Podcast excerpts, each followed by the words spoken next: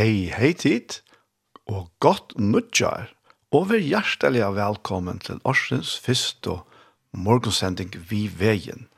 Verster er som vant Daniel Adol Jakobsen, og jeg sitter her i studiet Kjei og i Havn, og tar Arne Samuelsen som alltid tilreier å hjelpe til ved det tekniske.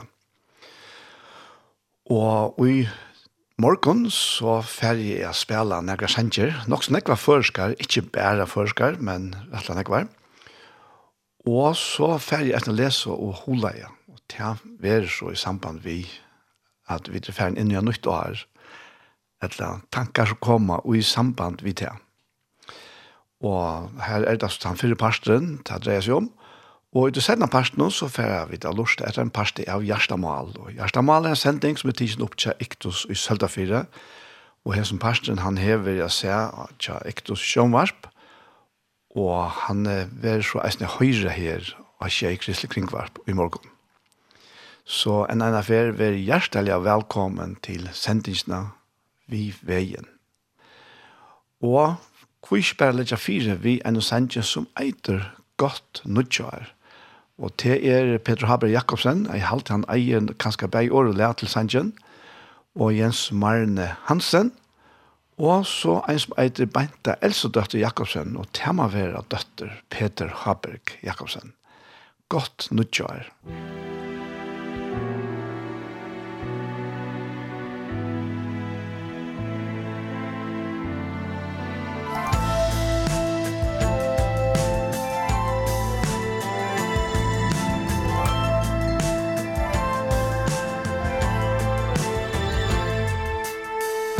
Nu jåler og færin Og i hitje kring meg. Det er fakast Nøyt eit ar er av vi Og i hokse igjen eit ar Det kjende som ui jar Velkommen vi Vi glia kjøtter var Godt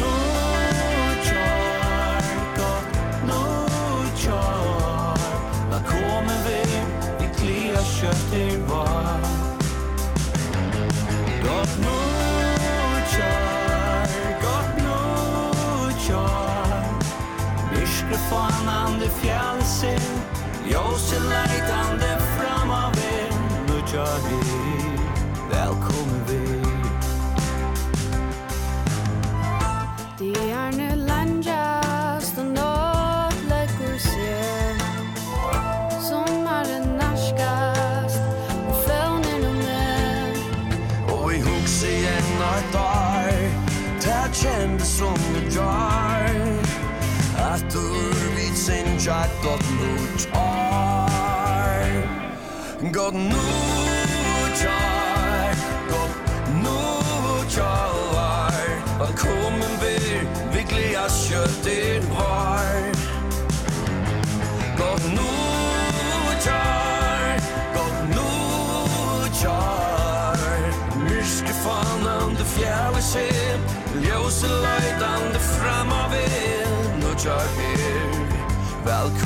there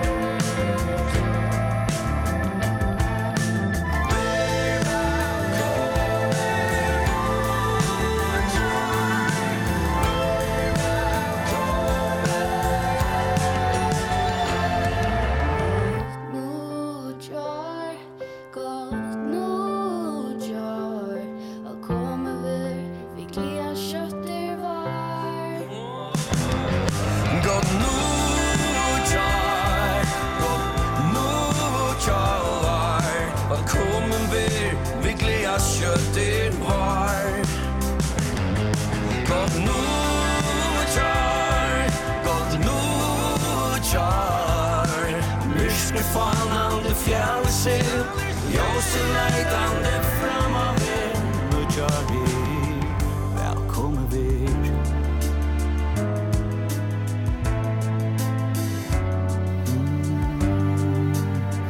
Velkommen vir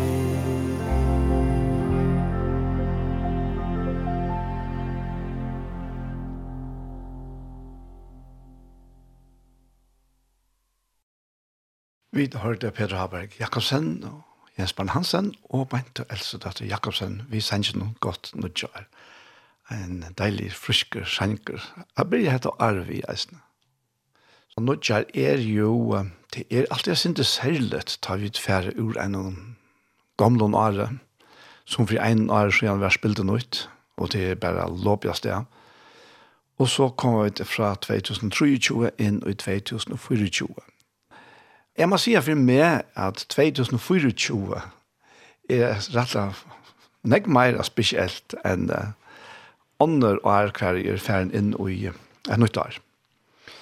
Og det er kjemst det tog at jeg kan være leite atter til år 1972, 28. august, så stod vi utenfor bilettelite. Vi kører korsen i håndene. Det vil si at det var ikke korset, ta være en, et papur som sier til at jeg har steg i røntene. Og så skulle jeg boja nægra dier til eh, fekk korset, og jeg sitter her og av venga noen at det var så den 5. september og i, og i 42 at jeg fikk kjalt korset, at det ble utskrivet. Og, og her stod så også at dette her køyrekorset var galtande Og mest til, vi det snakker om 28. august i 2004, og dette korset er galtande til 28. juni i 2024. Åh, oh, ja, ja. At det her er, hatt er så langt, hatt er så langt framme, hatt han vært faktisk omgang, du. Så la oss også jeg som 18 år er gammel. Ikke til at jeg ikke får være her i 2024, men bare til at jeg var så lengt vekk at hatta for hatta hatta hatta kjem ongan til to et onkel og løve fyr der og og alt det her. o hatta da som tøk ikkje kjøtt. Det er heilt avfærdlet. Jeg stod jeg har haft et, jeg vil ha rykt løv, jeg har finnet et godt løv, og haft et godt løv, og god er alle takk for det. Men uh, ta hoksa i bare så lesende. Og det er så nu hitje atter å det er altså 2,5 år så gjerne. Adjan pluss 2,5 til djevel halv fjers. Oha.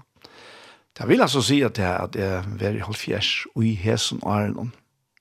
Det er kona meg forresten eisene. Og ta og i er hitt ikke atter etter. Onker har samme lukna der vi. At det er som tar og teker sand opp i hendene, ja. Og så søyler han bare nyer, og nyer i midten fingrene ikke der. Så kjøtt gong løyf. Og det er nækka uttøy. Jeg husker om et vers her i Salm 90, 12, det er velkjent. Det er Moses som sier at det er, og han sier hetta vi herran, at telja der okkara, lær to okkon tea, så vi kunne få visdom og hjertet Og det er så akkurat det det er. Jeg får visdom i hjertet. Og det må man få fra honom. Og så lærer han å telle det dere. Ja, jeg er det ikke heller godt da. Men uh, gode gåer. Det er helt visst. Nå får jeg så lyst lurt etter en sannsje. Jeg, jeg vet ikke om det er noen sjanker om å telle det her. Er Men jeg har en sang her som er om å telle Guds gaver. Og han får jeg høyre her, og til sangkare i Ebenezer, vi sanns noen til Guds gaver. Musik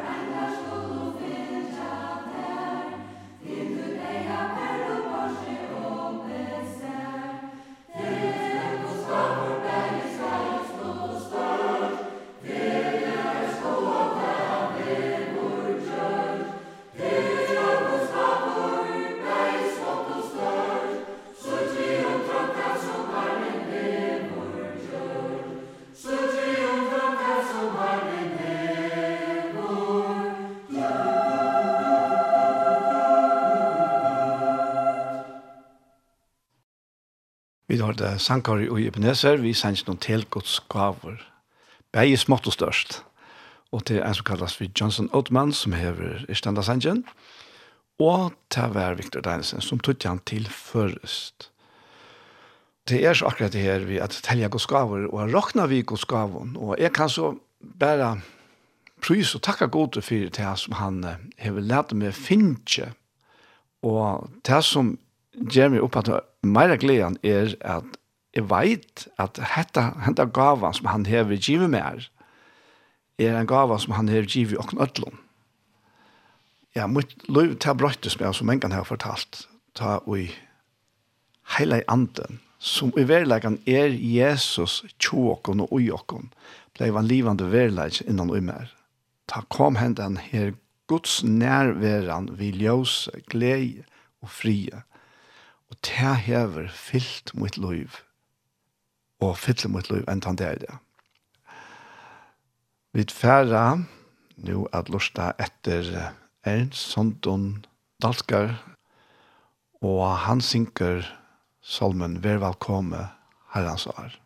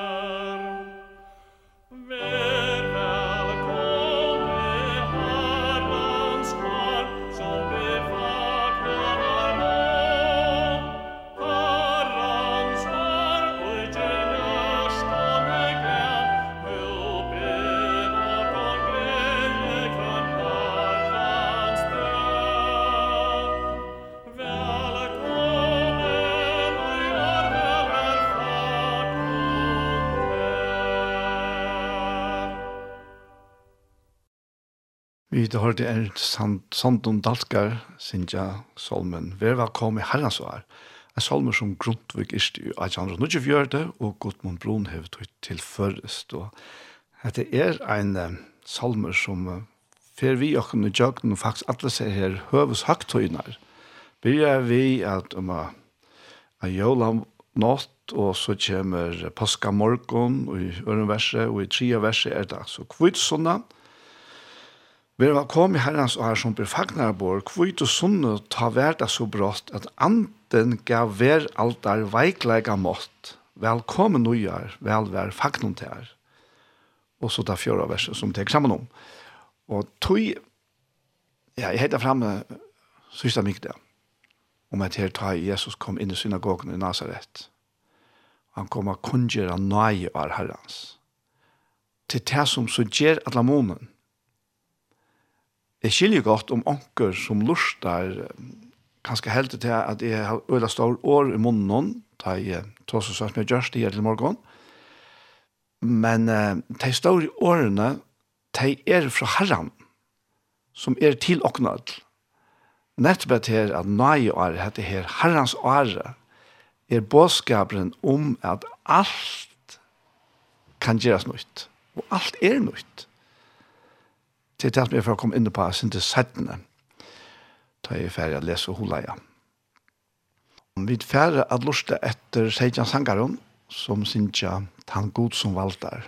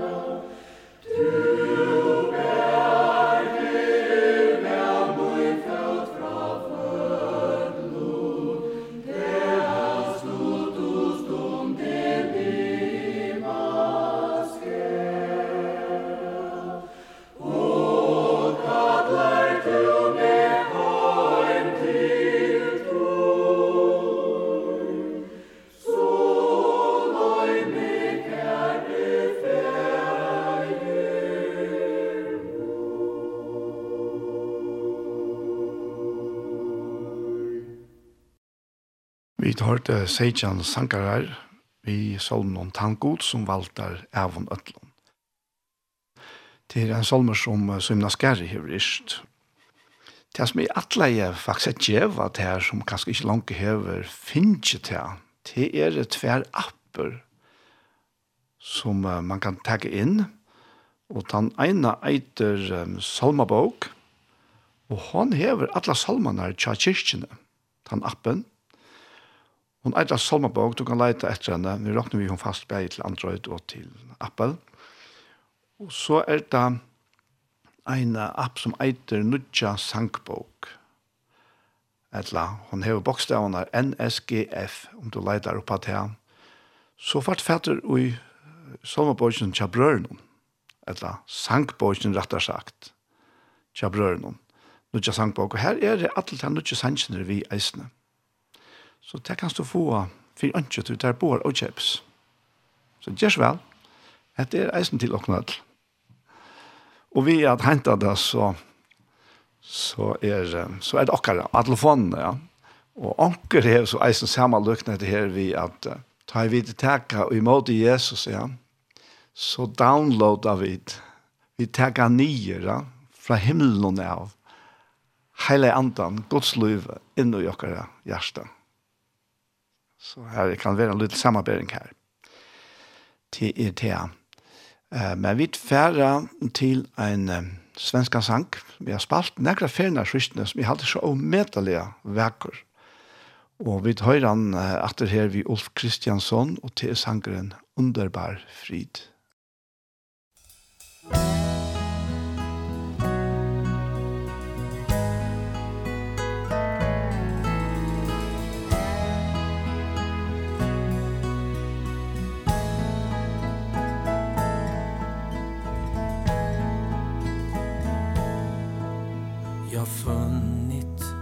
En frälsare, mäktig och god.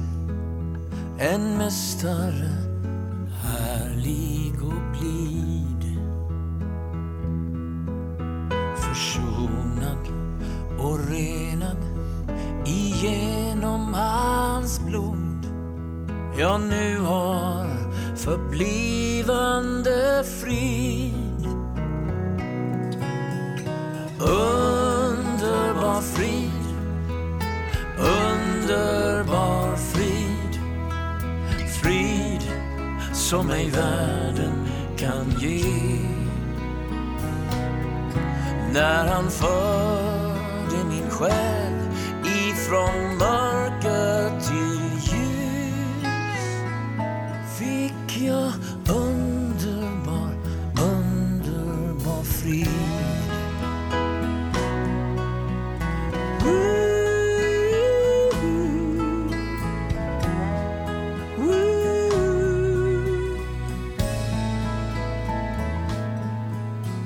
All ofrid och oro Min själ hade bränt. Försvann vid hans ljuvliga ord. Hans frid är den bästa Jag någonsin känt. Hans glädje den bästa på jord. Underbar frid. Underbar frid. Frid som ej världen kan ge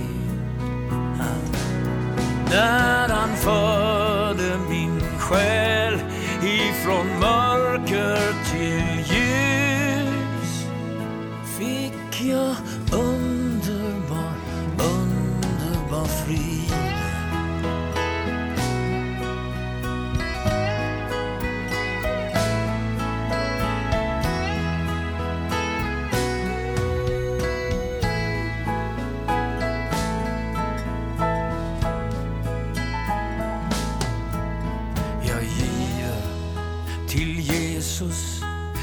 mästare allt. Mitt liv, mina gåvor, mitt bund Den väg jag vill vandra Som han mig befallt. Att göra hans vilja var stund. Underbar fri Underbar frid Frid som ej världen kan ge.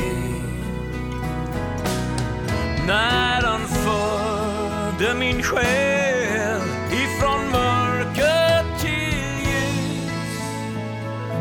Fick jag underbar, underbar Han förde min själ ifrån mörker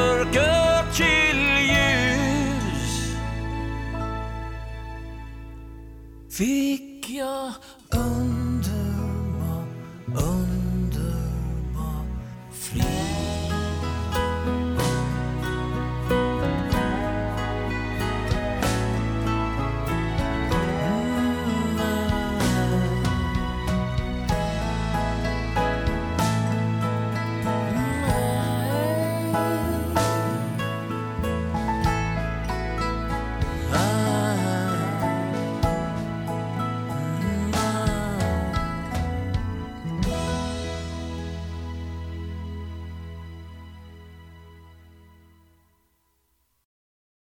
Vi har det Ulf Kristiansson vi sender noen underbar frid. Jeg har alltid er ferdig at lese og holde igjen jo bare. Det er samband vi heter her Nutja Are som er byrja nå.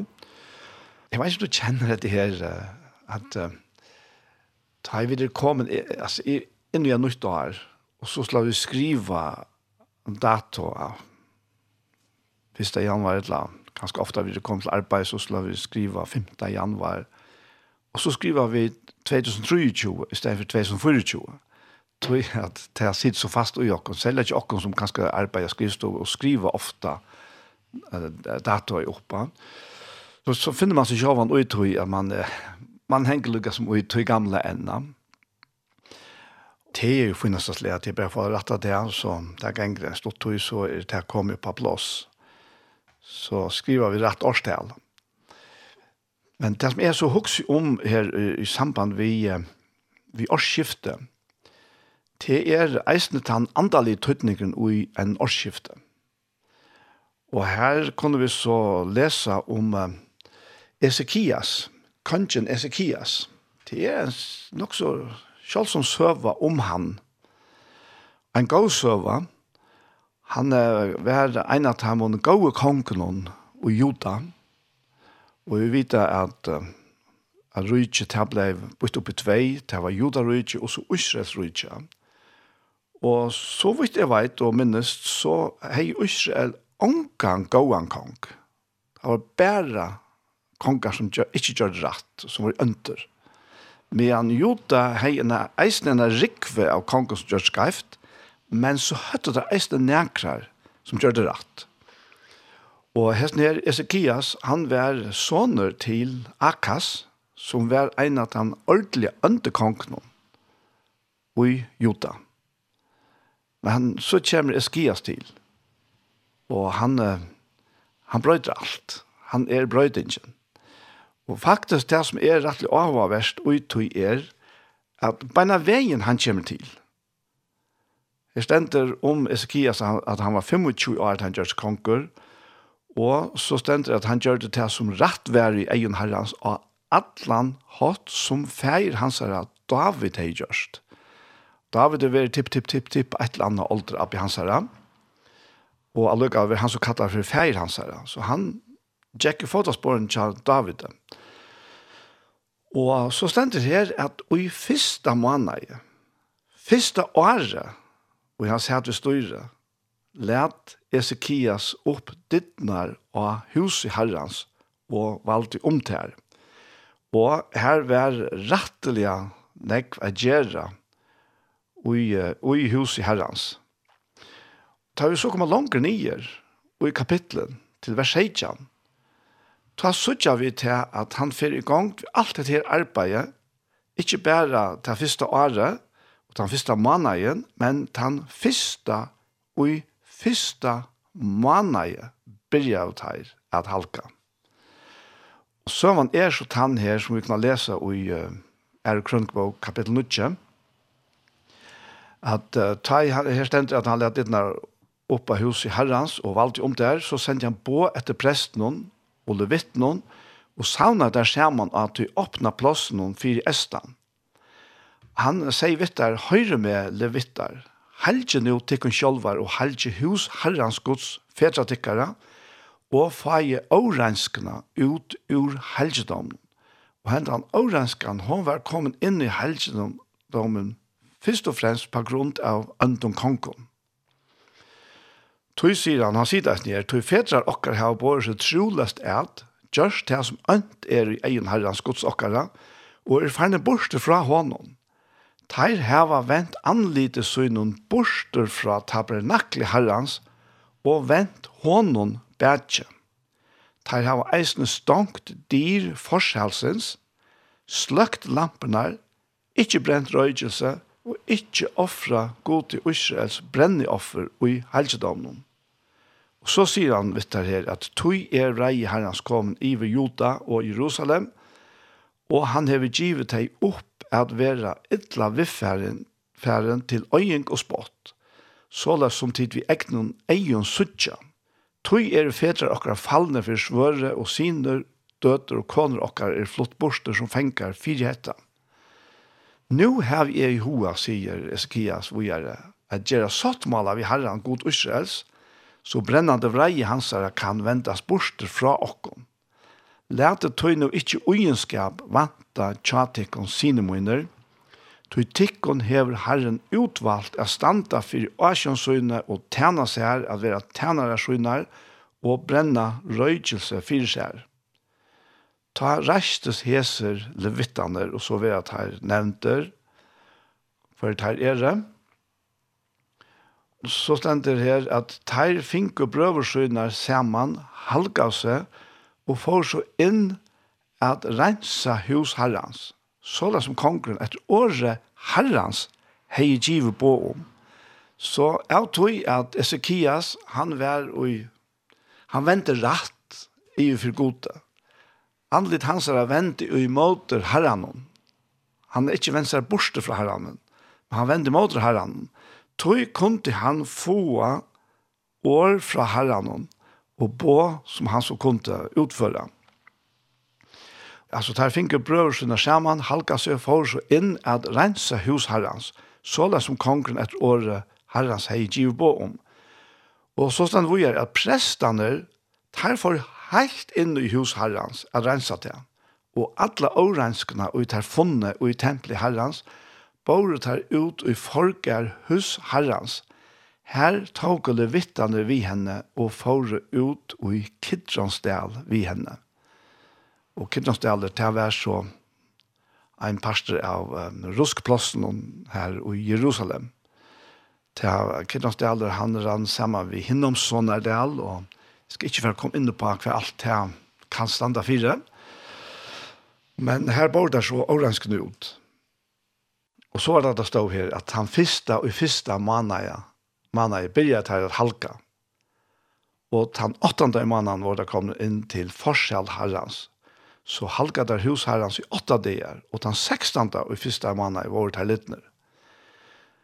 Og så han kom der til Eskias gang og sa at vi har rensa alt hus herrans og brenner off i altare, brenner off for altare vi ødlåntøy i tilhøyrer og søgnesbreia båre vi ødlåntøy i tilhøyrer og at uiløtene i Akas konger truløse synen hei vannhalka, men han var konger, har vi sett i stand og halka, nu standa det framme for altare herrans. Alt dette her, det er jo under det gamle sottmalene, og etter teimen fire skipene som var galtande ta. Men alt dette her peikar fram og imot det tog som hever vi Jesus å gjøre. Bei alle disse fire skibandene, og eisene til den rensanen som uh, fer fram her, og i hese tøyene. Vi vita, vi har lesa Gamle Testamentet, eller Gamle Stadsmalland, så vita vi at til Gjekst, Israels falske og Juda falske, ja, nu kallar alt saman for Israels folk, men det var så bytt sånt i Juda og Israels folk, til Gjekst Taimon, så leis som kongene våre, om teir gjør det rett eller skreft. Og onkne suttja vid eisne, eisne er tatt vi tja Ezekias, at, uh, at sjalt om ein konger rønte rett og på det som var skreft, så var det så skreft at den fyrre kongren gjør, gjør det, at kongren var rett, men falt ikke hei ringt vi fylgja vi beina veien.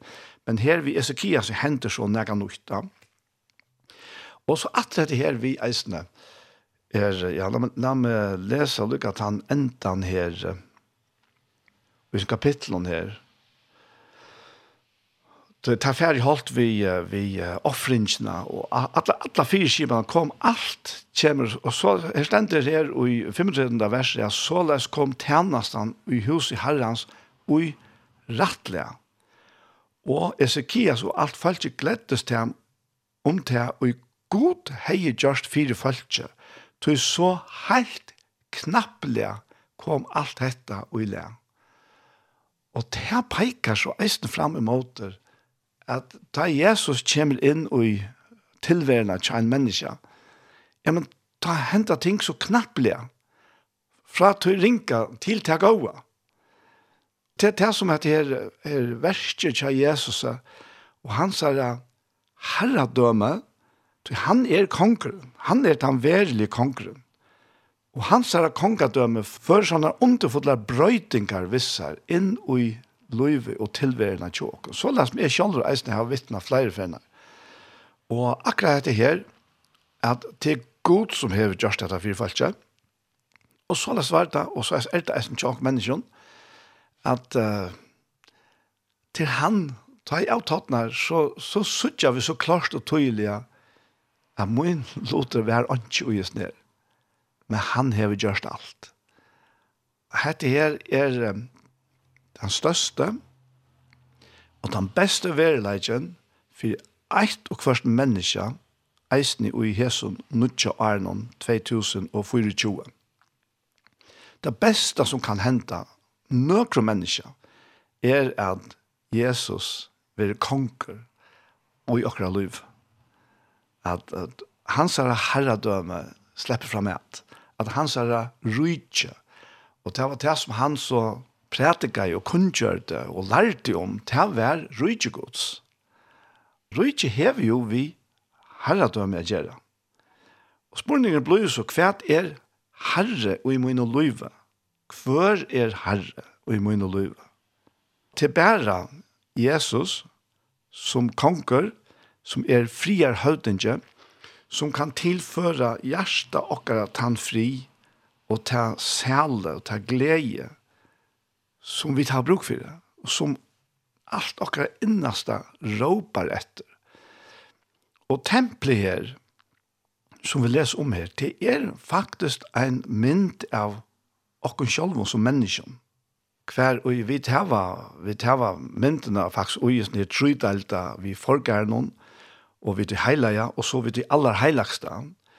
Og anker hever så sammenløkna til her vi, uh, vi forgærnen, til er det ytste tjåkon, til er kjølt likame, men til heilige er salen, men til aller heiligste er anten og i menneskene.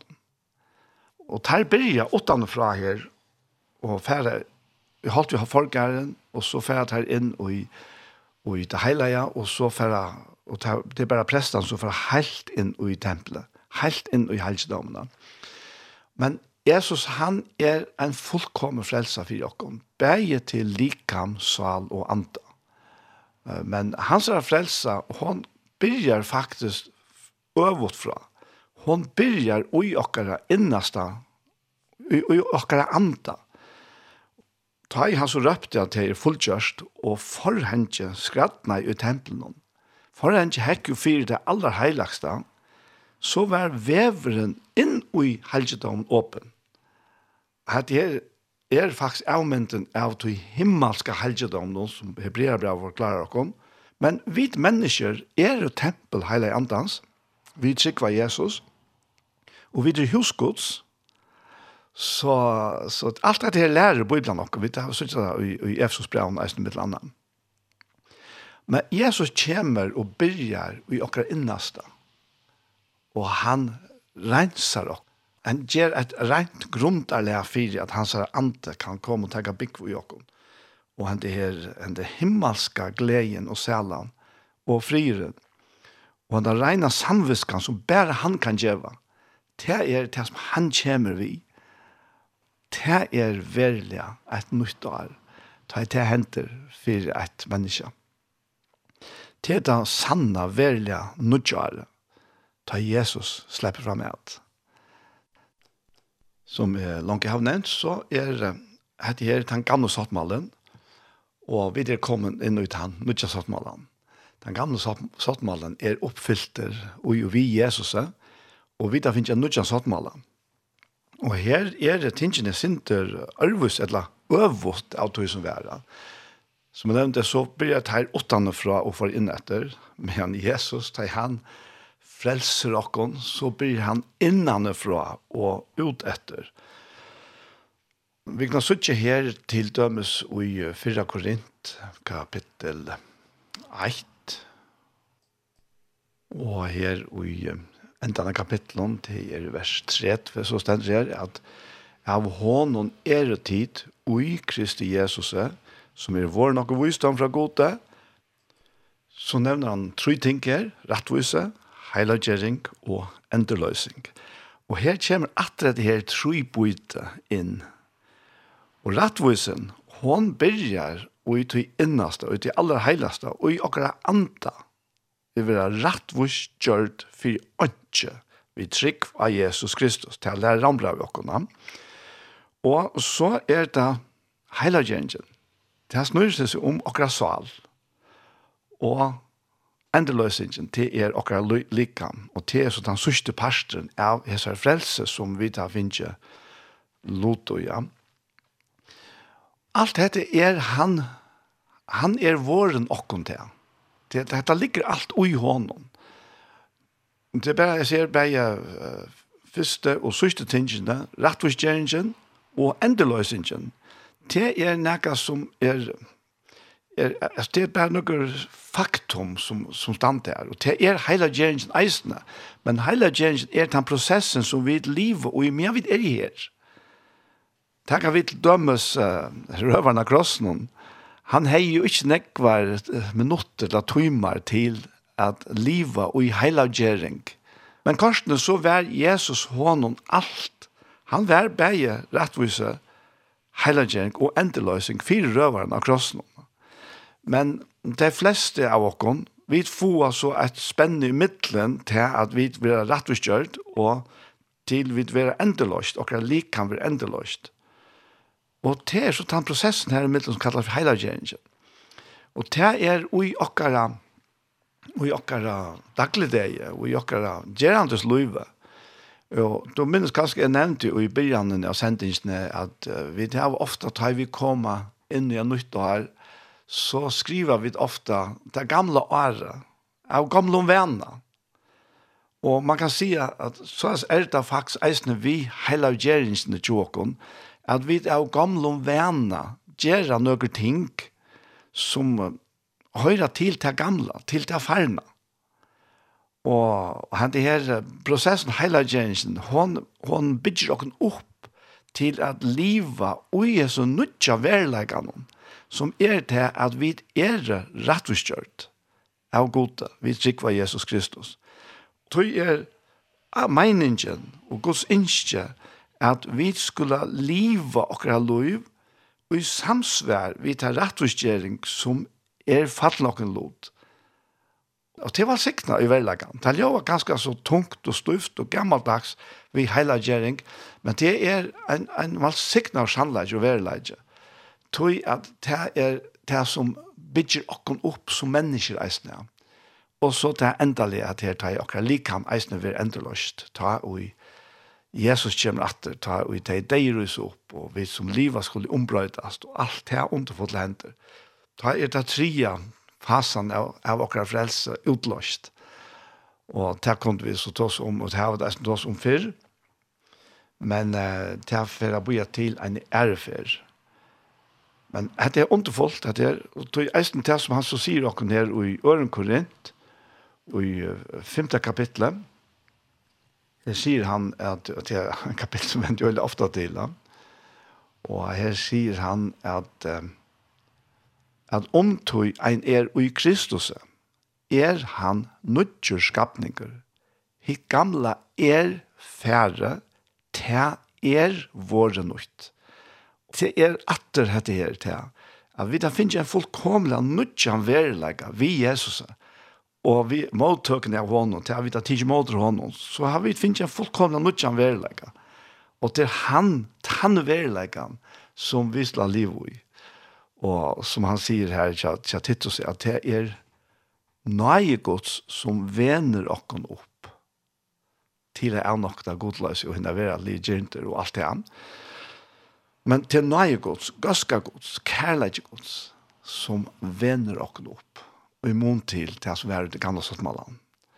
Så vi har sånt så får jeg bare en enda for innskjøtlen et veldig godt nødgjør og Jesu navnet Vi får lort etter en sendje her som uh, Kåre eller nye leie av Førskon sier Kryn han kong.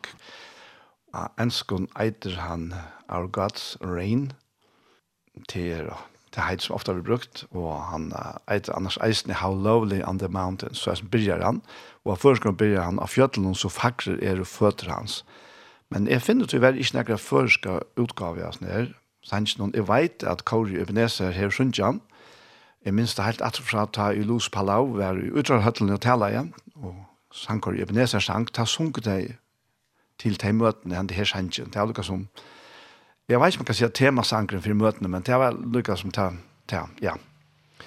Av fjøtlen så fakrer er føtter hans, men her fyrir vi så høyre han vi en er gater utgave, Our God Reigns, og jeg skal fyrir at lese første tøyningen 18 år.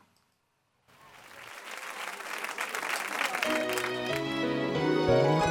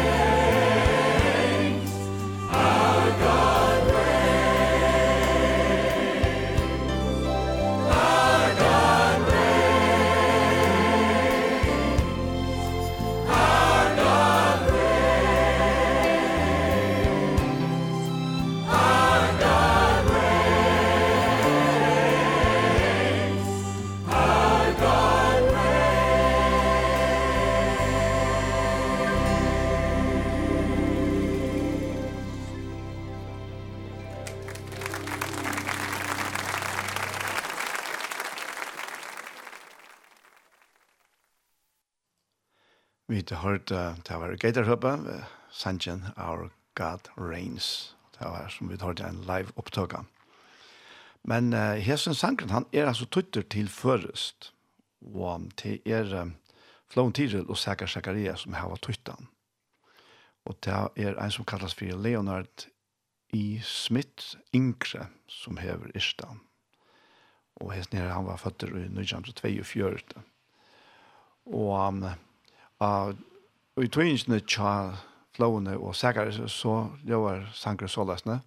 Av fjøtlene så fakrer er og føtter hans, og i glede båskap er, som boar fri og frelse, og som kunnet gjør, sånne gods konger er. Og Nilei sier, kryn han kong, kryn han kong, kryn han kong, konga kong. Og andre verset, Som planta veik han fyre asjon hans rann opp, og fæver vær han ei, vannvirtur, vesalur, som åndsje menneska, lojen tjekk deians lei. Tria verset sier, men fire vare bråd hans lien sartur vær, var straff vær løgta han, vid finko fri vid svaren hans, vid våre grødd, okkon han rattfer vann og fjord og sista verset sier, så milder som et lamp, og i dripe vera skal, han munnsun opplært ei, og krossen hon han tømte syna sal, men vann, opp ur grøv attor stei, og krynan kong, konga kong. Og det helt han passer så vel til uh, den bådskapen som, uh, eller til, til som jeg leser hodet uh, ur biblene, og er det her. Og til akkurat det, krøyn Jesus som konge til liv. Og ja, det er ikke være god signing over til og til liv. Vi færre er at lusta etter en sendje som uh, Ola Valsinger, og til er eh, Lært Messia fra, og synger nu om Jesus. Musikk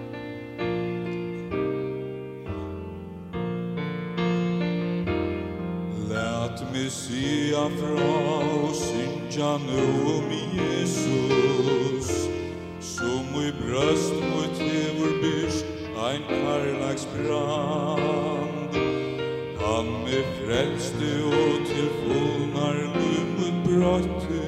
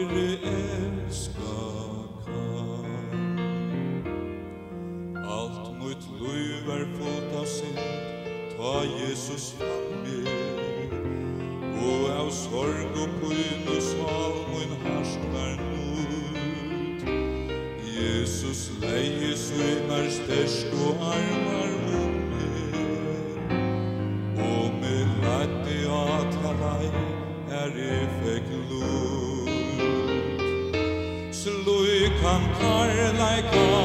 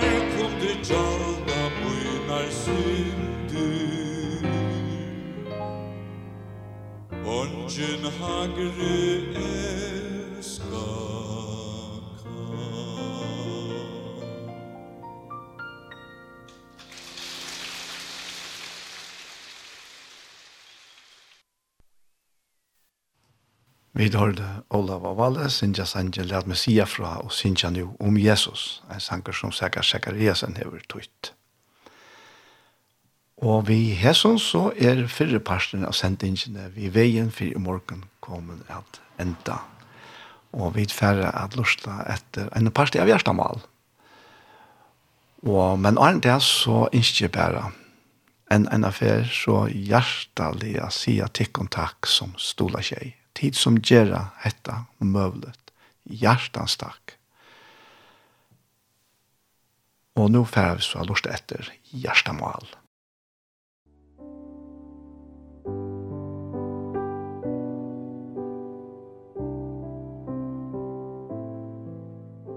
Hei, hei tid.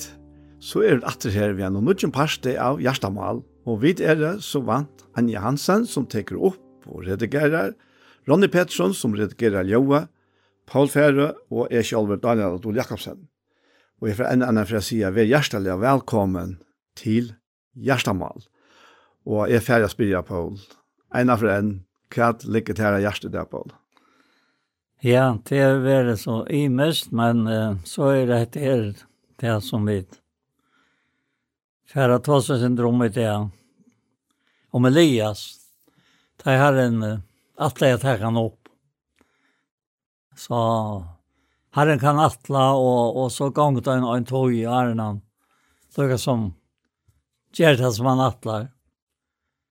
Og det er nok spennende å lese her, hvordan ferdes vi honom som herren be han utvelja till profet Atana seg. Mm -hmm. Og han till profet, og så nu. til jeg sør, for sørste fer.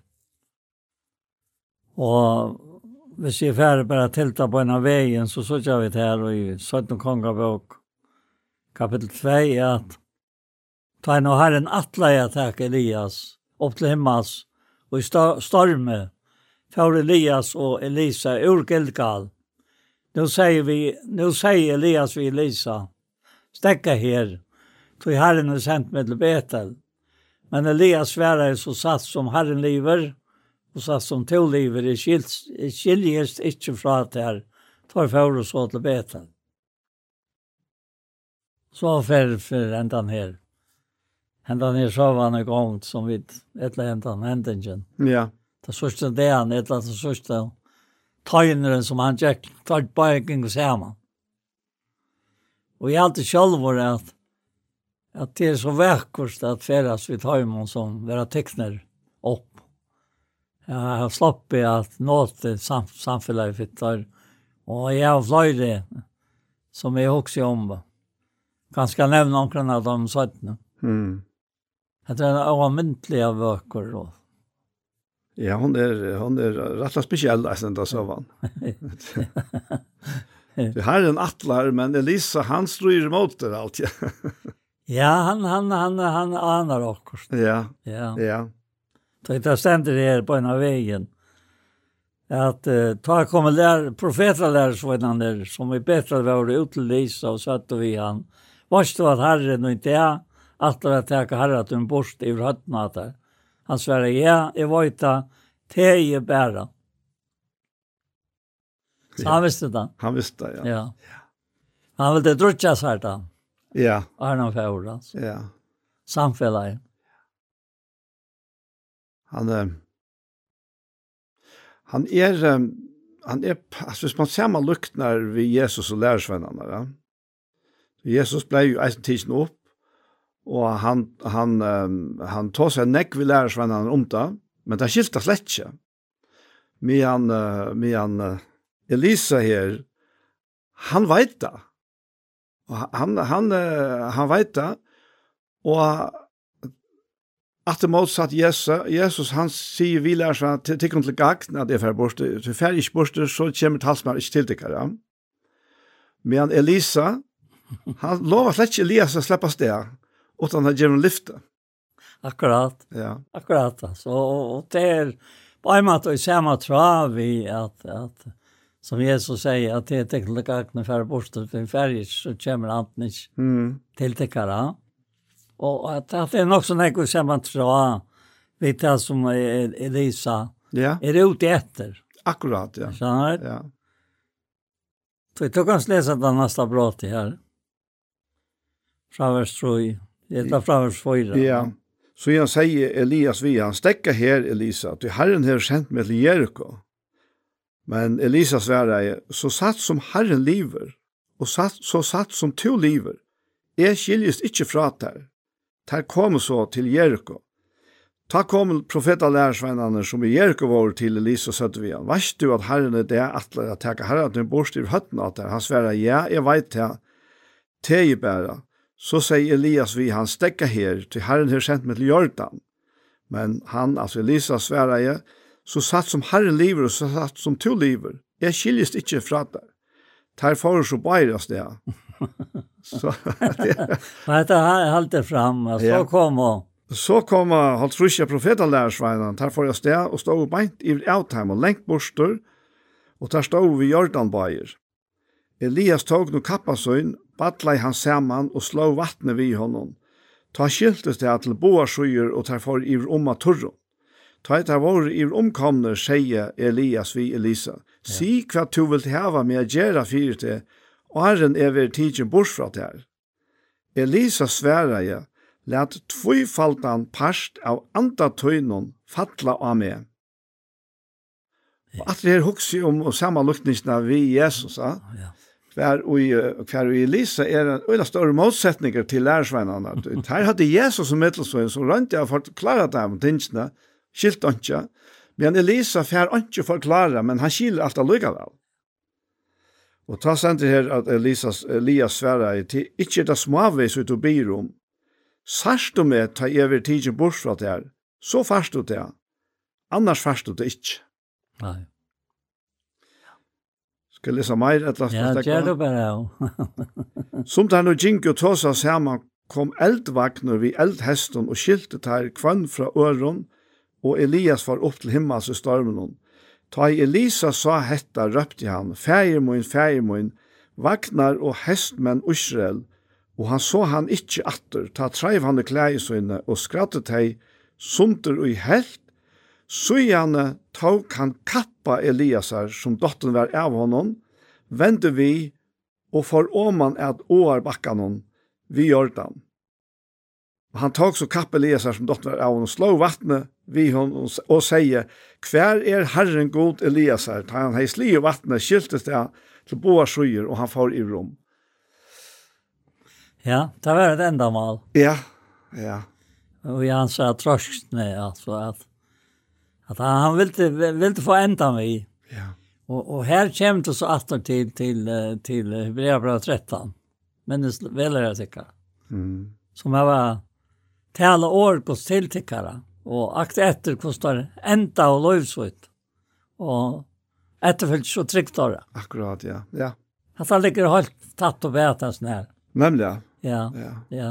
Det er det man hoksar om, om det er hoksar om, om mennesker som er avkjent, bare av kvinnen og mannen, så må jeg bare undrast. Hvordan nærlagt det var og Jesus, at, at jeg skulle ikke mislukkast. Mm -hmm. Det det skötta med slockas. Det är snöim. Men men det här är vi så är vi trygg, alla tojna. Och det har rakt in vi Elisa att pura och av, at herren var vi. För han spurte hver er. Ja. Herren god Elias. Ja, så, ja. Så det han, han ville till ordentligt få stäfest så innan väckna. Att han viskar i vissa här. Ja. Du själv han det hever Elisa vita till som alla andre, at Elias var eisen i avmarskar og sunne tøy og av hjørne. At fyrir det settene foran, altså, at vanligere fætan helst av dodja, men uh, nu er det på hendamaten, og Elisa hever, altså, her stender han ikke om kvosse, men han veit det. Så han sier det, vet du, men her visste eisene sier lærersvennene, profetalærersvennene, som satt av, veist du av at herren fyrir å teka. Her tøyne. Ja. Ja, på en måte sørst og jeg sier her, profeter der svennene der, da er det avhenger av, av bæg av Elias og av, av Elisa. Ja. Det er så vekkert. Jeg leser søvnene om hvordan det tar virke av midtelen, profeter der svennene. Ikke minst det er øksen. Den øyne av dem i landet og øks, og, og så leip hatt de av, og, og takk for arv. og, Og, og hver ligger det nu ja? Ja. Så det her var jo i vatten ett la. Det la i vatten någonstans. Og, og, så og så sportade han han hver, hver, kvar vart han så. Og hva hendte så? Och kastade han en en grön ut av vattnet og, och hade det flottna i. Ja. og så ber han det og han var så harmor tror jag han i latta. Mm. Og Och det hade är det er helt otroligt at det här landet. Ja. Om om det är hänke höjde eller det tillknöjde vi det här vart larran. Vi har ändan. Ja, og, og eisne til dette her som, som profeter, lærersveinar og alt det som her vi profeter og det profet skal gjøre langt her og i gamle sattmalene, Hette her til at vi som mennesker her og gjørende kunne hava et sånt himmelsamband. At vi er ikke, vi er ikke avvitende. Sjalt, vi vet ikke alt, men det som vi vet, det kommer i kraft av den profetiske andan. Ja, ja. Som, som Elia, Elisa vil til hava fætter og i åren herren kjøn for Ja. Det är han säger i snär i södna till Målsbrev kapitel 3. Allt som avre skriva. Vi skriver också lärt dem. Ja. Så vet vi tålen och trösten och skrifterna geva skulle ha varit om. Det vill säga gamla testamentet och nya testamentet som inte var skriva ta. Ja? Mm. Men var gångt vi att bliva skriva. Ja. Det här var vi nu som, som, som några halvgåta och Så sier han, du känner från batten av en höjda avskrifter som kunne gjøre det vojsan frest vi vid av Kristus. Altså, at, at det viar och i den här tar man som baden, fer av vita. Mm. Tuttningen av den höjda avskriften. Du kjenner det. Ja. Du vars det. Ja, det det er akkurat det.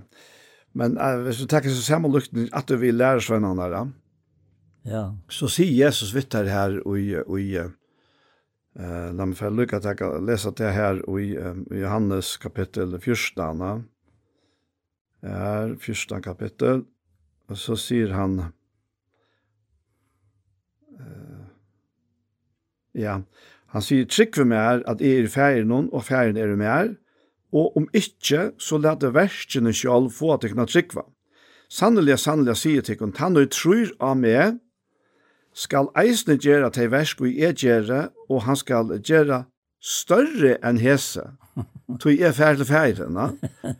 Og, og nå har jeg, jeg har aldri nevnt noe før her, eisne, at jeg vet ikke om han mener vi, jeg har ikke han mener vi at det er større i, i, i undrana, men i, i nøkt, altså, nek flere, tog at han fer, men uh, talsmennene kommer, og lærersvennene, vi får Vi där var finche det samma antan. Handa ja kan man säga att efter att vi åren och vi trunna. Mm. Finche det samma hela i antarna. Och och ta så Elisa Fär han till kappan som kom ni att i allt att tala åter om att här om Jesus och talsmannen. Ja. Att Jesus för upp talsmannen kom ni Ja. Och och och Elias för upp og kappen som er ja. i mynden av kraftene. Ja, nettopp. Ja. Delar, så leser vi vujare, tar vi fortelje, ja. at Elisa gjør det dobbelt så nekv tetsjen som Elias. Og han er i eisen by om å få dobbelt han parsta. Ja. Og fikk jeg vite at det er ikke smavist å byromma. ja, ja. Så jeg tykker at det henger eisen sammen vidt at jeg peker frem til at Jesus sier at vi skal gjøre større verskan hese, ja. Ja, ja, ja det er, det er så helt utrolig hovedtakende Ja. at færes vi Jesus, færes där. Och og hans fære Ja. færes vi Jesus kvar där. og, og, og ta veker i ser minnene om, om, om disse imenske menneskene som kom inn av løgene. og en har stått av tog, og så var det færen. Men, men år torra og ali torra. Det ble verand etter og ut der. Tog, tog, det er så om et alt ali til herren Så nå vil det gjøre at her til ali det. Som det er til liv og ja.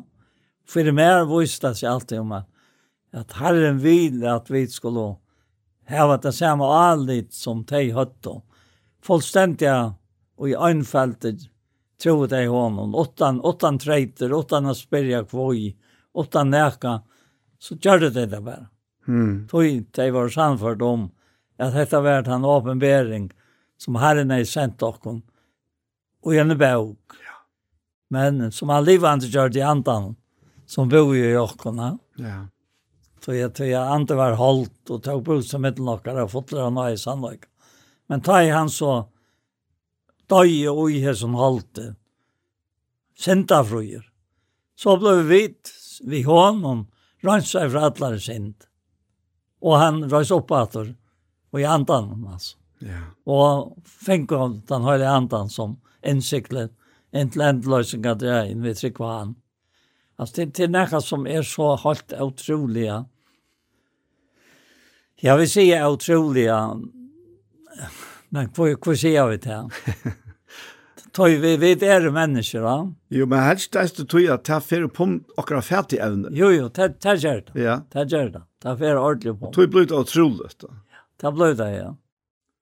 Men men men hvis du bare huxar om, hvis, hvis du bare Lia checka til sin ferdig evne og Elisa Øysene, så var det ikke nok. Mm.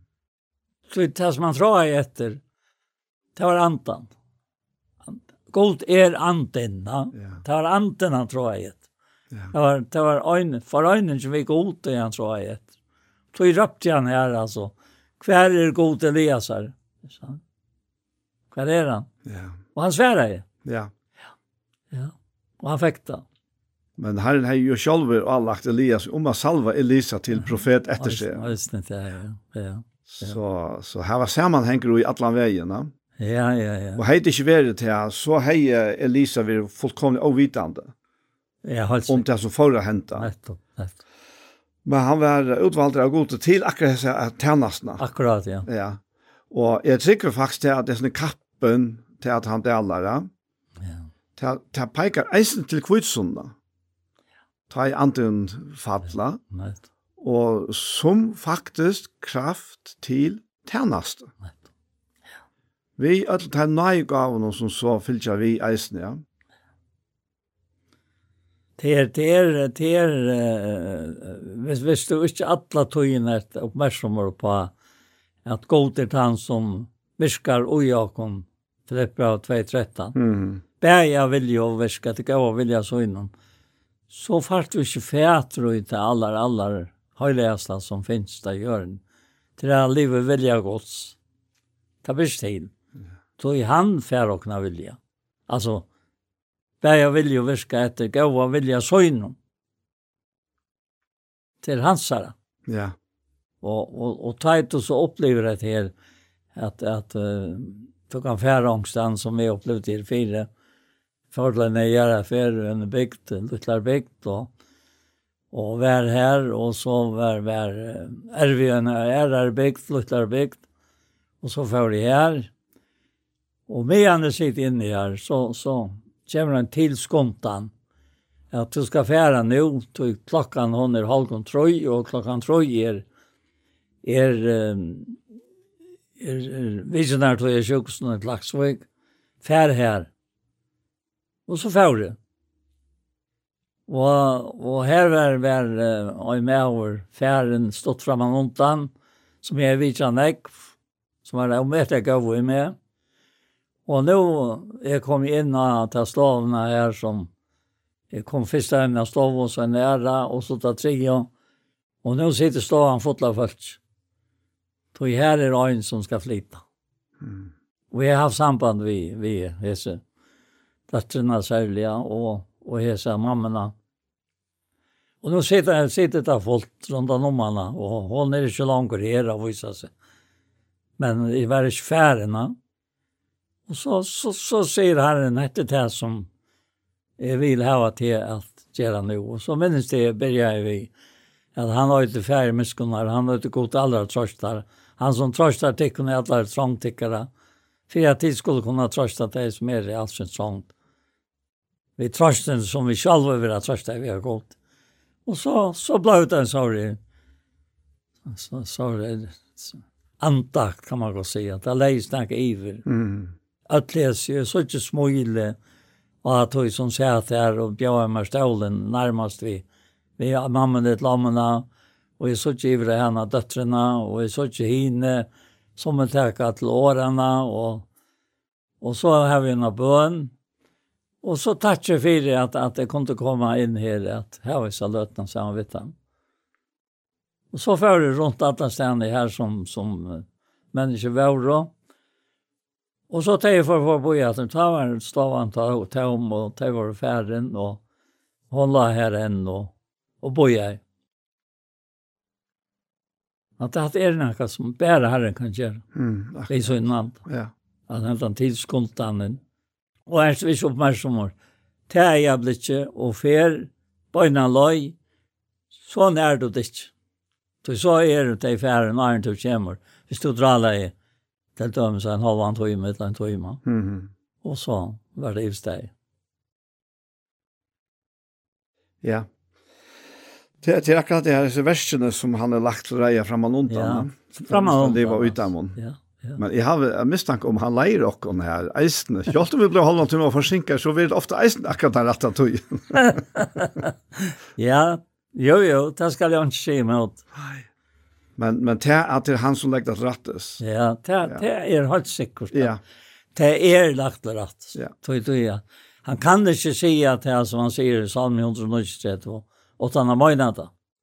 Og och visst du bare leser det här som som vi leser her, om I psalm 193. Ja. Ja, psalm 193, ja, som fastor seg, så är det den med. Ja.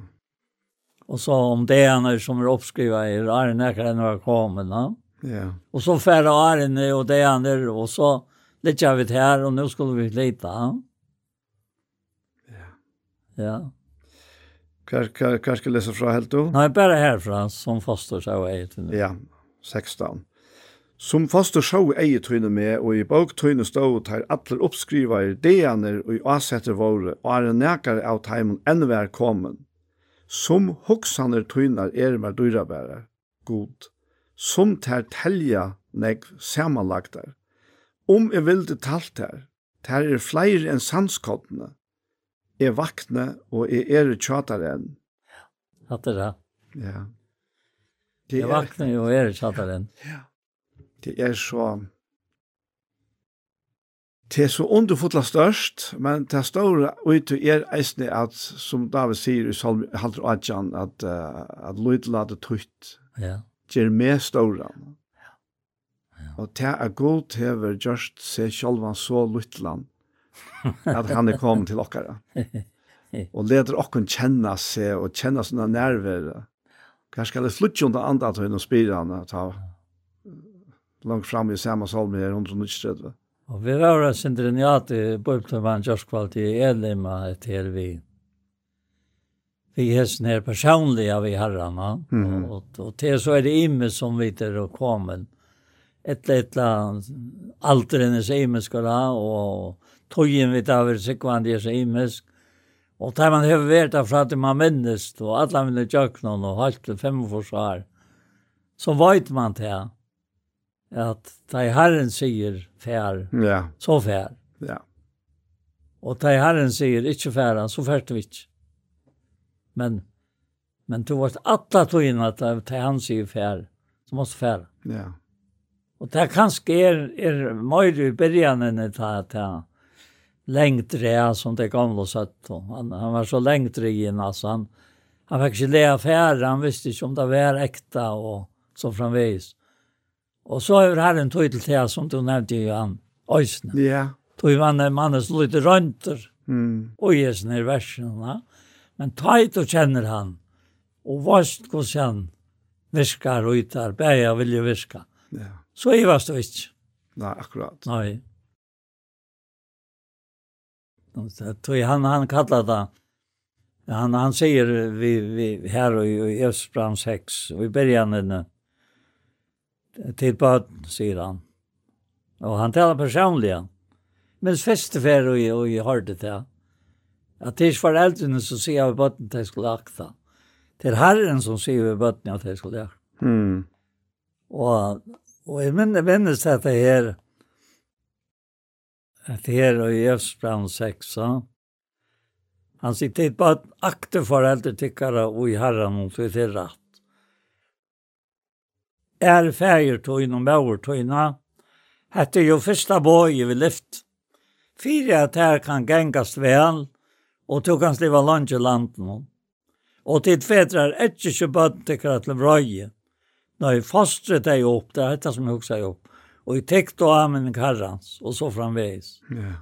Og så sier han, ikkje vi egna tjernast då, som teg og vilja vera menneskjon til viltar, men som tjernare Kristusar, så tid av hjärsta gjerra vilja gods, og tjerne og gavun hova, og så tid av tant herran og ikkje menneskjon. Det vita jo at det gaua, og jeg øyne kvar kjer, skal han få atter fra herren, vil han og træler etter plass. Alt det er alt utrolig. Hvis du også om et her, vil jeg også nå tog som Gustav har sagt. Hvordan bøgnløyes ta fer inn, og hvordan bøgnløyes ta være attersvær av herren. Ja. Og det er det som er beundret. Det er det samfellet her Og vi rönt, rönt jag att säga att vi, vi hese mennene der, I Görskvalde. at uh, vi kjenner det ikke før vi röjnat. Nej, akkurat. Det, det björs inte äntligen att vara. Äntligen har vi bönlösa mennesker å gjøre. Du, du kanske vi, vi gjør det for snävårst. Ha? Så jag en hever en annan och en annan ve og en annan, en annan ve. Leikavnar er så imeskar. Men herren er den samme, ja. Og, og, og og han vil være tjokken og ges ned. At er det praktisk, ja, så gjør det. Mm -hmm. Og er det kjemt innanfor det som, som vi skiljer mittlen til daglige og til antallige, ja, så gjør det. Altså, ikke ivast. Nei, nei, akkurat. Det det er helt understandande, og også nede her vi, Vi vi a a lukka og jeg vita, sier han i Sanchilona, og sæla fjalta loj, hans høgra hånd mer helter fast, om avkjent spår i støy.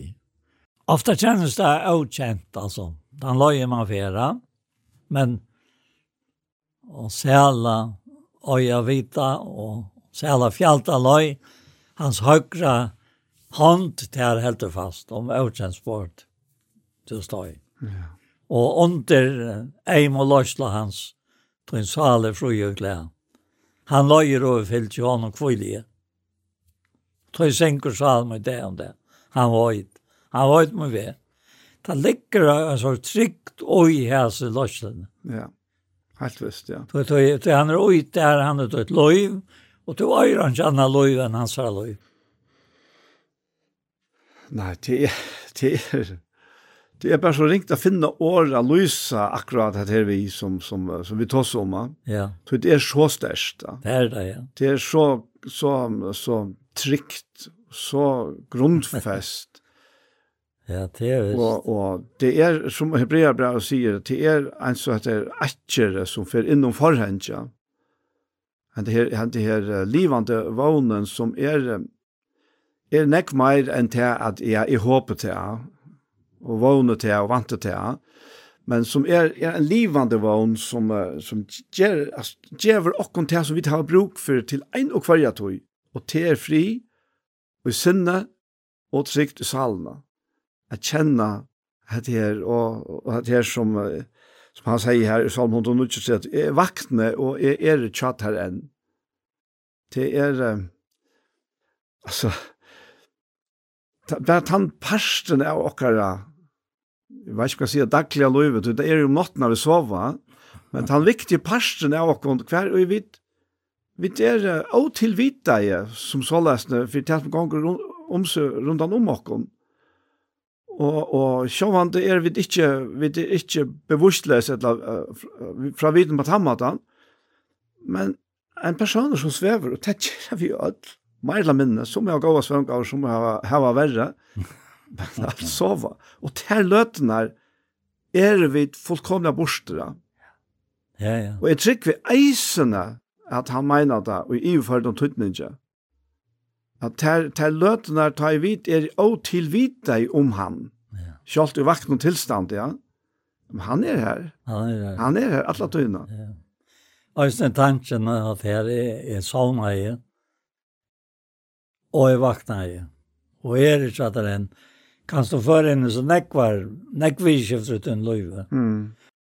Ja, jeg også med at det er som stender i 17 konger på 2 og hver 15. Ja. Ta profetan lærer som han hade Jericho som stod og bønt iver av honom. Såg han göra detta. Satt og tar. Ante Elias var kviler och Elias. Og Elisa.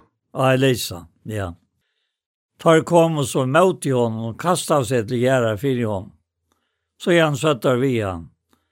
Her tja tænaren tog innan er holdt trus raskjer menn, torv. La torv færast det og løyte etter herratøyden. Kanskje anti-herrans. Jeg vil tidsa han og kasta han og okkur fjall. Etter omkran det hel. Han sværa i tid skulle ikkje senda torv av sted. Men tar hilt og a er juka vi han så sier han, sendte der så av sted. Så sendte der inn og holdt trusjvenner av sted. Og tar løyt av trusja deir, men funnet han ikke. Så kom der til atter til hansara. Han var enn i Jericho. Og han sier Vittor, sier ikke Vittikon at de skulle ikke fære. At det er, at det er så avmettelig mennesker litt. ja.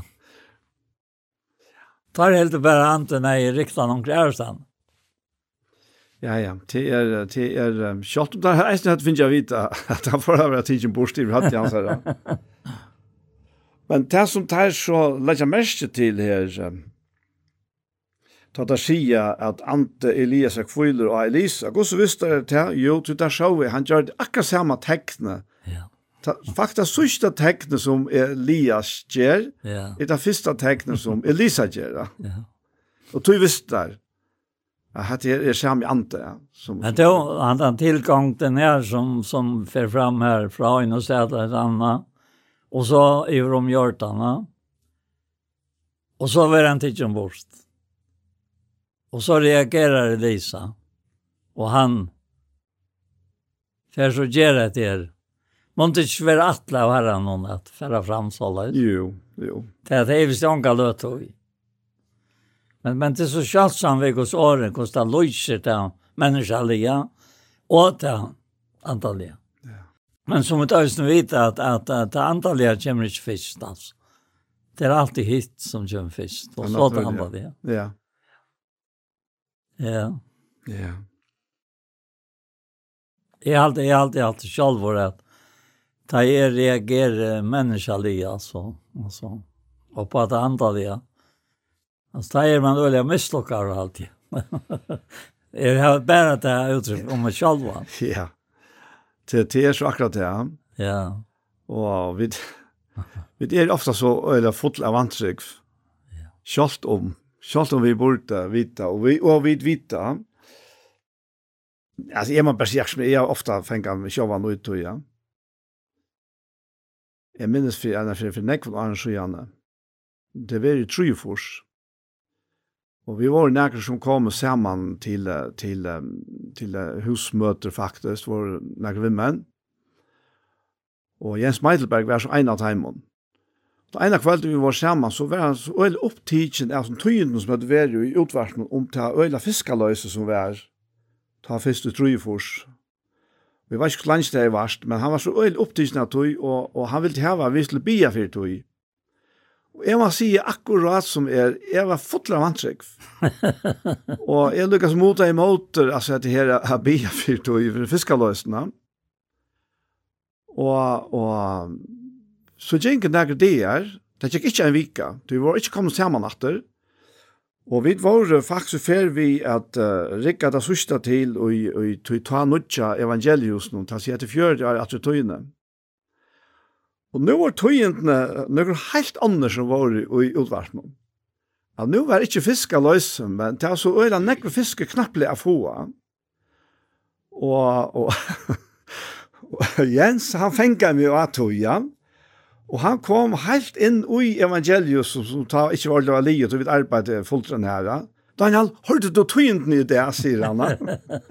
Jeg sier, ja, jeg måtte være skam, sier, ja, jeg hørte, du, du hei rett i tøynden som du førte fram. Og han var så sannført i tøy som han ber om, ja. og tøy som han tog seg ut, og jeg var fullkomlig ja. øvått da. Ja. Og, og jeg, har så, ikke vil last øyre nekv av en slik hending som det er.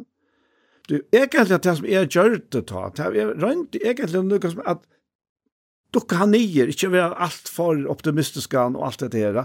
Tog det som han sier nemlig, det, det, det, det her det var. Han var så sannførter at han ville fære ut i bløyene, vet du. Og sier, vi tar var bie, og nå får det hente han. Og her stekker jeg, nei, nei, nei, dette blir stila. At her kom vi ikke fære gjøre. Og han gjør det så heller ikke, men han sakte meg opp til dette var innenfor en vik at han var. Da han hørte tøyntene, Her står vi.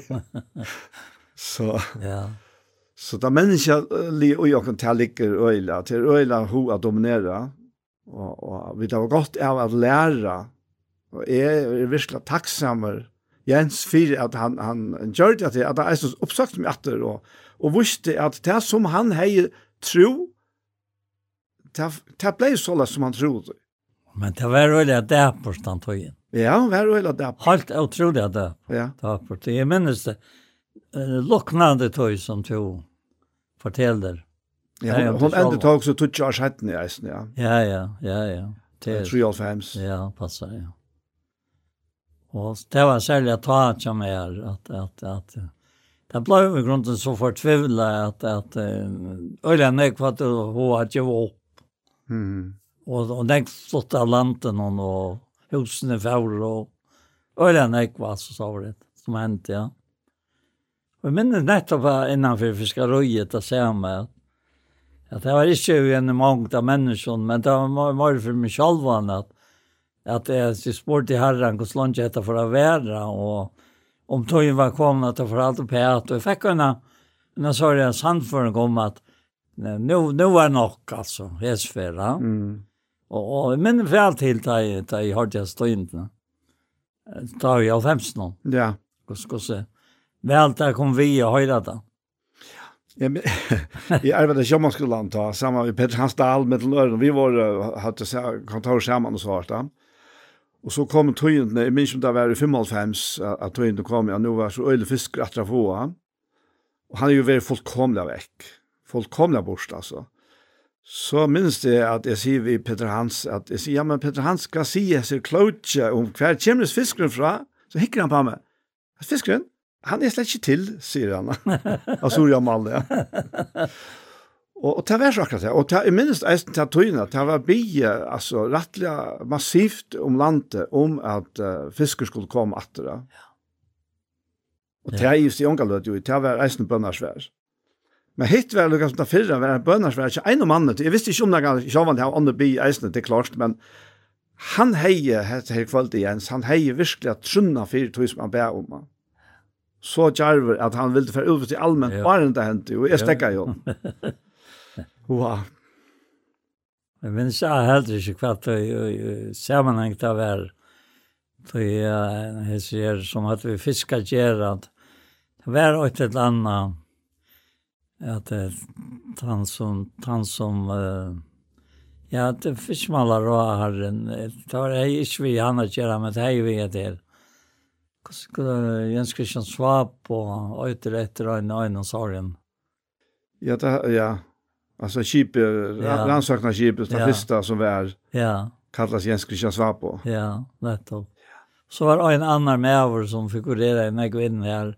Jag minns inte namnet i honom. Och han han var målsättningar av av man på som en Jakob Falatsen ja. Men tar var så lika av viner. Mm. Att det har halt för sina sjön ja.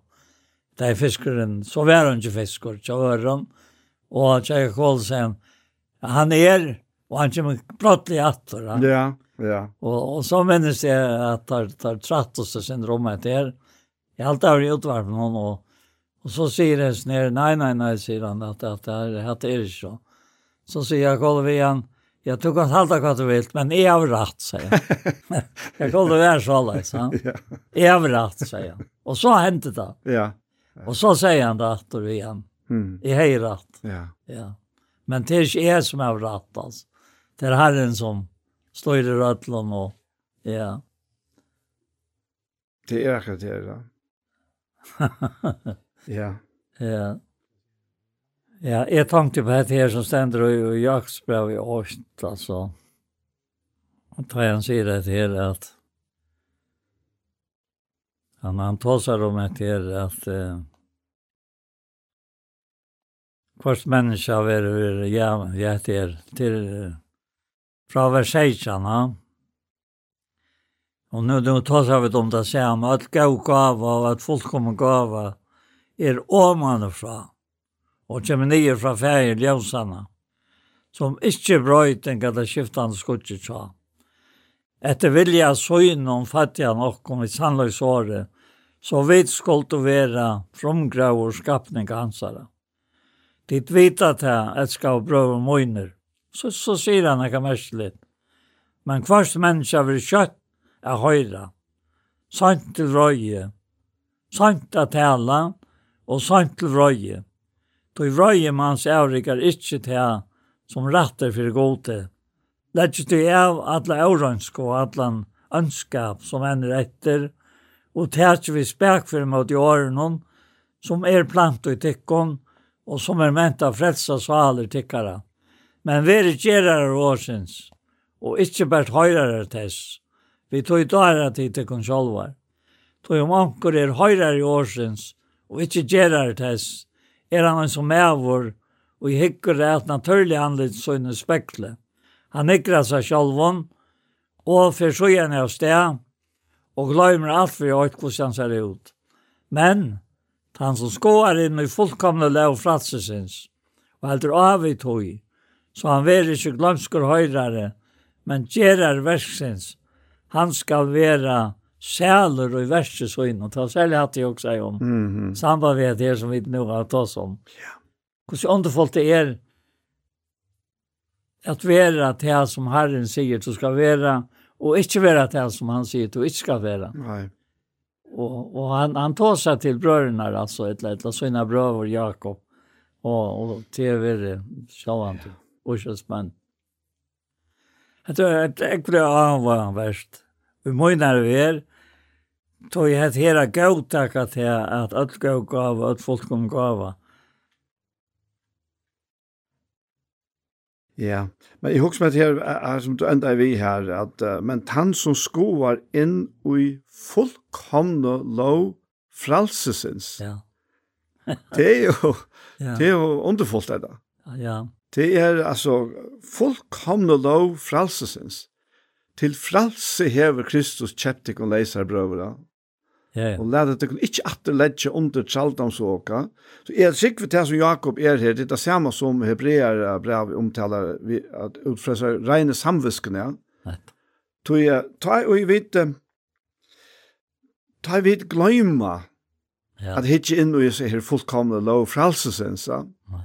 ja, men så kommer ta ringa samviskan, og hver kan tjene ringa samviska. Ja, det er visst. Nei, Og til å si at vi kunne ikke gjøre de versk som han er atlokken, ta jo vi ikke er avhaltende ugjøsne her frelsen som han er givet oss. Ja. Og ikke lade han binda nyer av, av tog som, som ena for være. Ja, det bør rett. Og som han sier at, men han som skoar inn i fullkomne lav fralsesins, tankastrika, og heldur tog, så at han var ikke glømsker høyrere, ja. men gjerar verksens, altså det er alltid at det er urslet Det er å skoa inn i fullkomne lov for. Ja, ja, ja. ja passar. Ja. Det, det er det samme som han sier her i, i Rombraun 8, så er det var ikke fordøming. Akkurat, ja. Det er det som er i Kristi Jesus. Det er lovløsens anta. Det er andre lovet. Lovløsens anta hever i Kristi Jesus. Ja løst med fra lovsenderen av deg hans. Det som loven ikke var ment, at gjøre at det gjør jo god, har han sendt sånn sin, løyk han sendt i en halte, og domfattet sendt i halte. Altså at det at det er noe som er så helt utrolig virksomt, hvis vi uh, lærte det virke i oss. Ja, det er, det er, det er en sånn, sånn kraft som uh, som andaliga tala upphevar ta tingtelo som vi annars är helt nyer av. Va? Ja. Vi er jo ikke andaliga, men vi er halsliga. men om nu vi vi, vi Jesus Alltså ja. är er, är even teaching av low lusus antas man omtalar här rombrauna Ja. Så är han low low lusus anta, alla fullkomna low frälselsens er sterskare enn tann kraften som heldur okkur nirra og i ja. vantsig ja. og i iva og i ringar samvisk og fordøminga men litt okkur på om løyser okkur opp fra tøya og til ui Kristus Men då hvis vi ikke har hatt det her, så er motsetningene og, og vi kjenner båere. Ja så vet jeg ikke om, om, om, om vi hadde dova at virusmett lovløse santa, etla, etla, fullkomne lov frassesins. Då det det frasse er ju Kristus han og jag. Han personen och jag är frals jag och allt anna är ikke frals.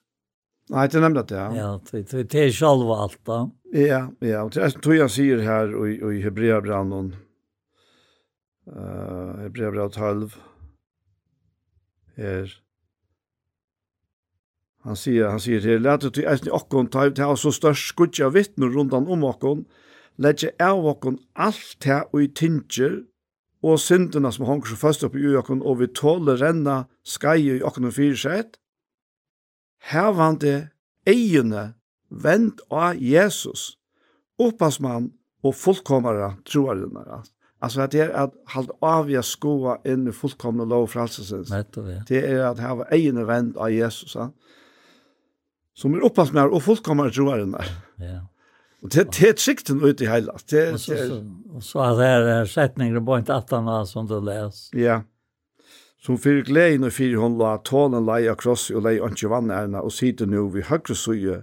Ha sættes gods, ja hugsi om han som tålen hever bor, ja syndar sagt hon så nekve måte, så du ver ikkje trøytt og måtles i salen dikkar. Så det er oppvigar alt at det er trøytta og måtleisa. Ja.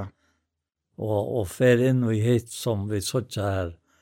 Vi sotja en grindbra av kapitel 4, og tar vi så færre 5, til han han tar som inte med sig mot i fyra fjärde kapitlet. Mm. Och nämner då en tvärsutja färre. Och till han för femte kapitlet säger han att tog er vet alltid horest. Ja. Och vita så långt som vi är och oj hästen halten hon. Så vi bort från herran. Men vi skulle föra bort ur halten hon och vara hemma hos herran. Ja. Så det det är öjliga motsättningar och i ödlnäsnär. Mm. Løyvia gjør er en øyelig motsetning til det som vi da i Kristus er. Og her kunne vi oppleve månen og i trygg sammen med herren og med med dere her. Vi får åpenberingar og kunnskap om han. Og Paulus byr om at vi skulle få andre vursdans. Og for jeg vil kunne skilje vevne vi vil kalle det vi. Ja. Så her er det øyelig motsetninger. Men hvis vi ikke opplever det, så finner vi det ikke motsetningen så stärkan og som man som man är. Nej. Nej, det det är akkurat det. Det är jeg Lucas med bara nu og citerar jag det här till er så lite år i heima. Ja, ja. Han kunde ju bara sagt att vilja färre borster ur likam och vara tja herran. Nej, han säger hemma tja herran. Ja. Och i affärs man så ser en människa bostad. Ja. Vad så jag sagt det kom där. Och och ta i han här säger och det var det som jag har också syndrom. Och som Kai alltid säger, och lägger den detta som var en annan av Moin Moin och tror jag från han. Det var det att att ta i han säger det för bort och det jag tänkte ställt röja. Så måste han inte slämmas. Mm. Ta måste han för ut av Golgata. Sartor han strutt i ett Hvordan var det han sier? Sartran strutt i hitt. Før til Gethsemane her.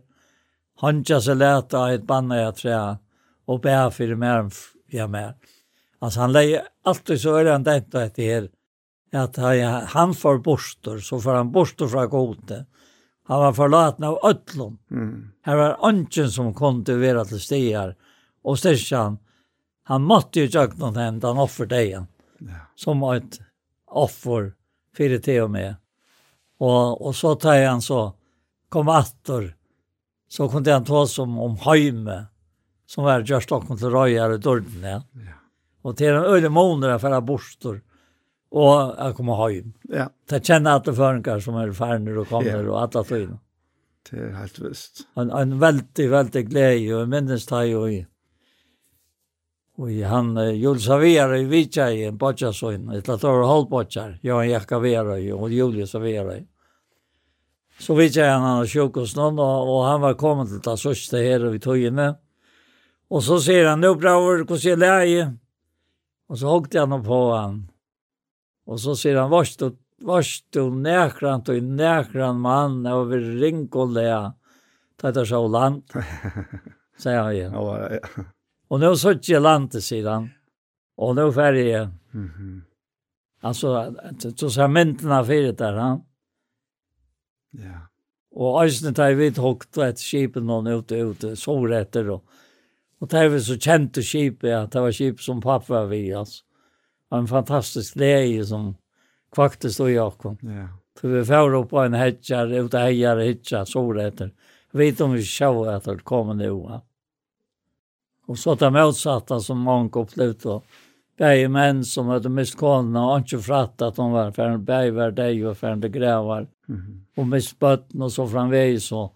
Och så motsatta i ödlor i gång behållt hemma som det gamla så att kunne komme komma hem och njuta till att ta innan samman. Ja.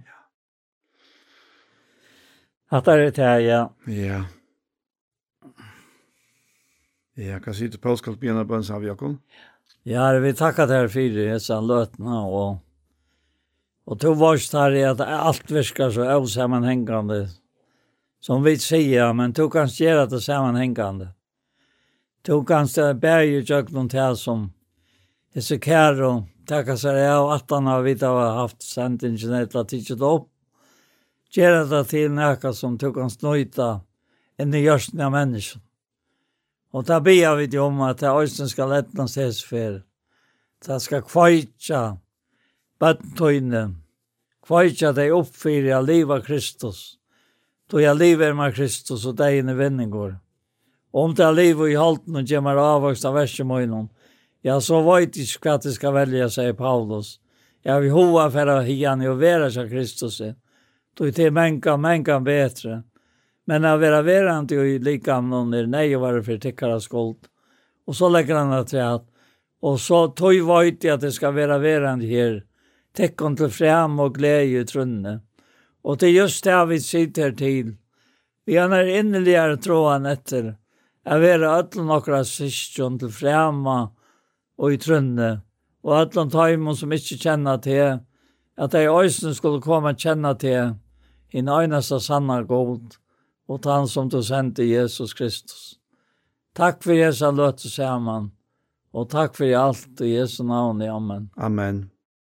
Och så var hesen pastor och hjärtat välkomna att ända. Och vi får att tacka för och för hesfer. Och vi är det Anja Hansen som tar upp och redigerar. Ronny Pettersson som redigerar Ljoa. Paul Färre og jeg selv, Daniel Adol Jakobsen. Tusen takk for hesfer. Og jeg får en eisen i det at legge træt at parster av hjertemål som jeg har vært, der kan du finne av YouTube, om du leter av Iktus Sjønvarsp. Og her som parsten, han kommer eisen av å lagt det ut her, og han kommer eisen av å sende av tjej, Kristelig Kringvarsp. En annen fer, tusen takk for Jesper.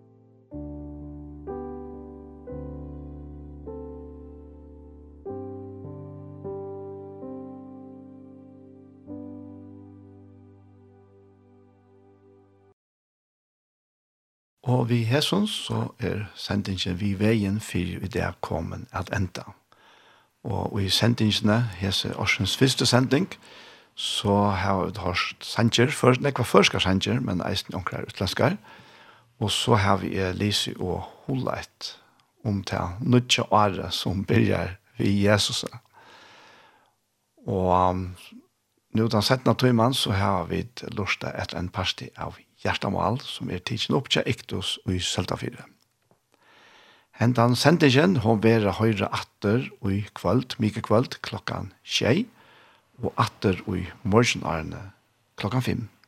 Så etter er best å si, tusen takk for hesfer, og en annen affær, godt nudjar. Takk for